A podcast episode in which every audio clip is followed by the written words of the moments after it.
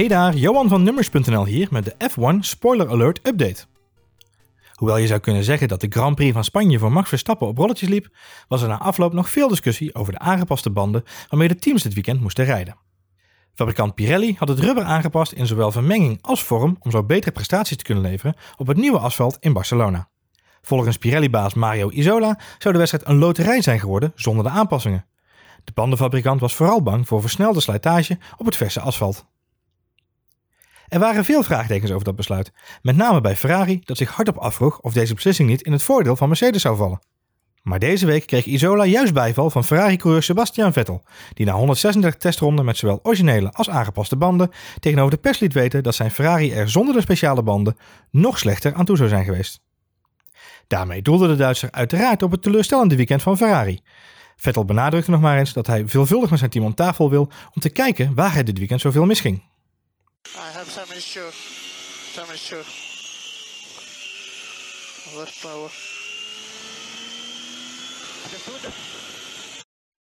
And stop the car, Kimi. Stop the car. De Duitser liet weten dat zijn matige finish niet alleen te wijten viel aan de extra pitstop, maar dat de auto ook al in de eerste stint veel snelheid miste. That's more like it, guys. I'm super happy with that. Great job. Bij Mercedes bleef het nog lang licht na de eerste 1-2 van dit seizoen. Maar terwijl Lewis Hamilton in de vroege uurtjes nog proost met Kevin Magnussen werd gespot, sprak teambaas Toto Wolff de eerste zorg al uit voor de aanstaande Grand Prix van Monaco. Volgens de Duitser is het resultaat in Spanje hoopgevend, maar is de auto nog altijd niet het maatpak dat Lewis Hamilton vorig jaar tot zijn beschikking had. Wolff gaf tegenover de pers zelfs aan bloody worried te zijn, zoals men dan in Duitsland dat zo mooi zegt. Ook vorig jaar had de Britten het bijzonder lastig op het stratencircuit en dus zet Mercedes alle zeilen bij om een herhaling te voorkomen. Hamilton kwalificeerde zich in 2017 als 14e en wist de race te eindigen op een teleurstellende zevende plek. I really don't really know what the problem is. I mean, it's devastating to see that the, the other car was able to get the tires working clearly, and, and I just couldn't get the tires to work. They, you know, braking the cars under rotating and just sliding and uh, sliding through the corners, and it just, it's like the tires were cold. Um, as soon as I come out the gar- come out the pits, you know, the tires felt like they were of a decent temperature, and then no matter how much I was pushing, they were, it's like they were decreasing in grip level, and you know, I, I, I gave it everything I could. Overigens kwam Wolf ook nog terug op zijn eerdere uitspraken over Daniel Ricciardo aan het begin van dit seizoen. De Duitser was namelijk verkeerd begrepen toen hij liet weten dat zijn team geen interesse zou hebben in de diensten van de Australische coureur. Volgens Wolf had hij bedoeld te zeggen dat de loyaliteit van Mercedes bij de bestaande coureurs ligt, maar wanneer zij buiten hun eigen team zouden gaan zoeken naar een nieuwe coureur, dan was Daniel Ricciardo wel degelijk een optie voor het team. Genoeg reden voor Valtteri Bottas om zich wellicht eens achter de Finse oren te krabben. Want hoewel de Fin een prima start van het seizoen kent, lijkt er nu toch weer voorzichtig aan zijn stoelpoten te worden gekrabbeld. Tegenover de pers liet Bottas deze week dan ook optekenen dat hij graag zo snel mogelijk een nieuw tweejarig contract ondertekent bij Mercedes, in tegenstelling van weer een nieuwe verlenging van één jaar. Wordt ongetwijfeld vervolgd. It's be wild, guys. You should really stay tuned. Als laatste dan nog even de dans om de motorkap bij Red Bull Racing.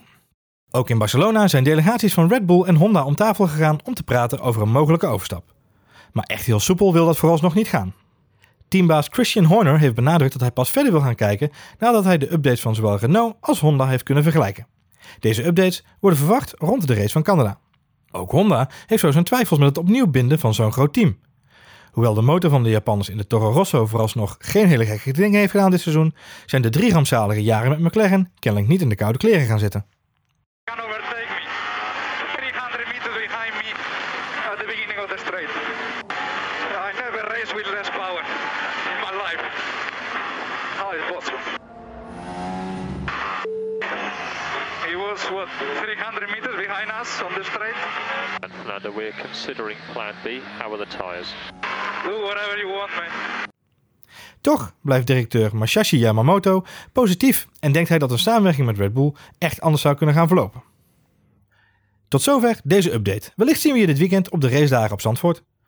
Uitzendingen terugluisteren of een melding krijgen wanneer er een nieuwe show af live staat? Abonneer je dan op onze podcast en laat via een review weten wat je van onze show vindt. Check voor meer informatie nummers.nl slash spoileralert. Tot sneller!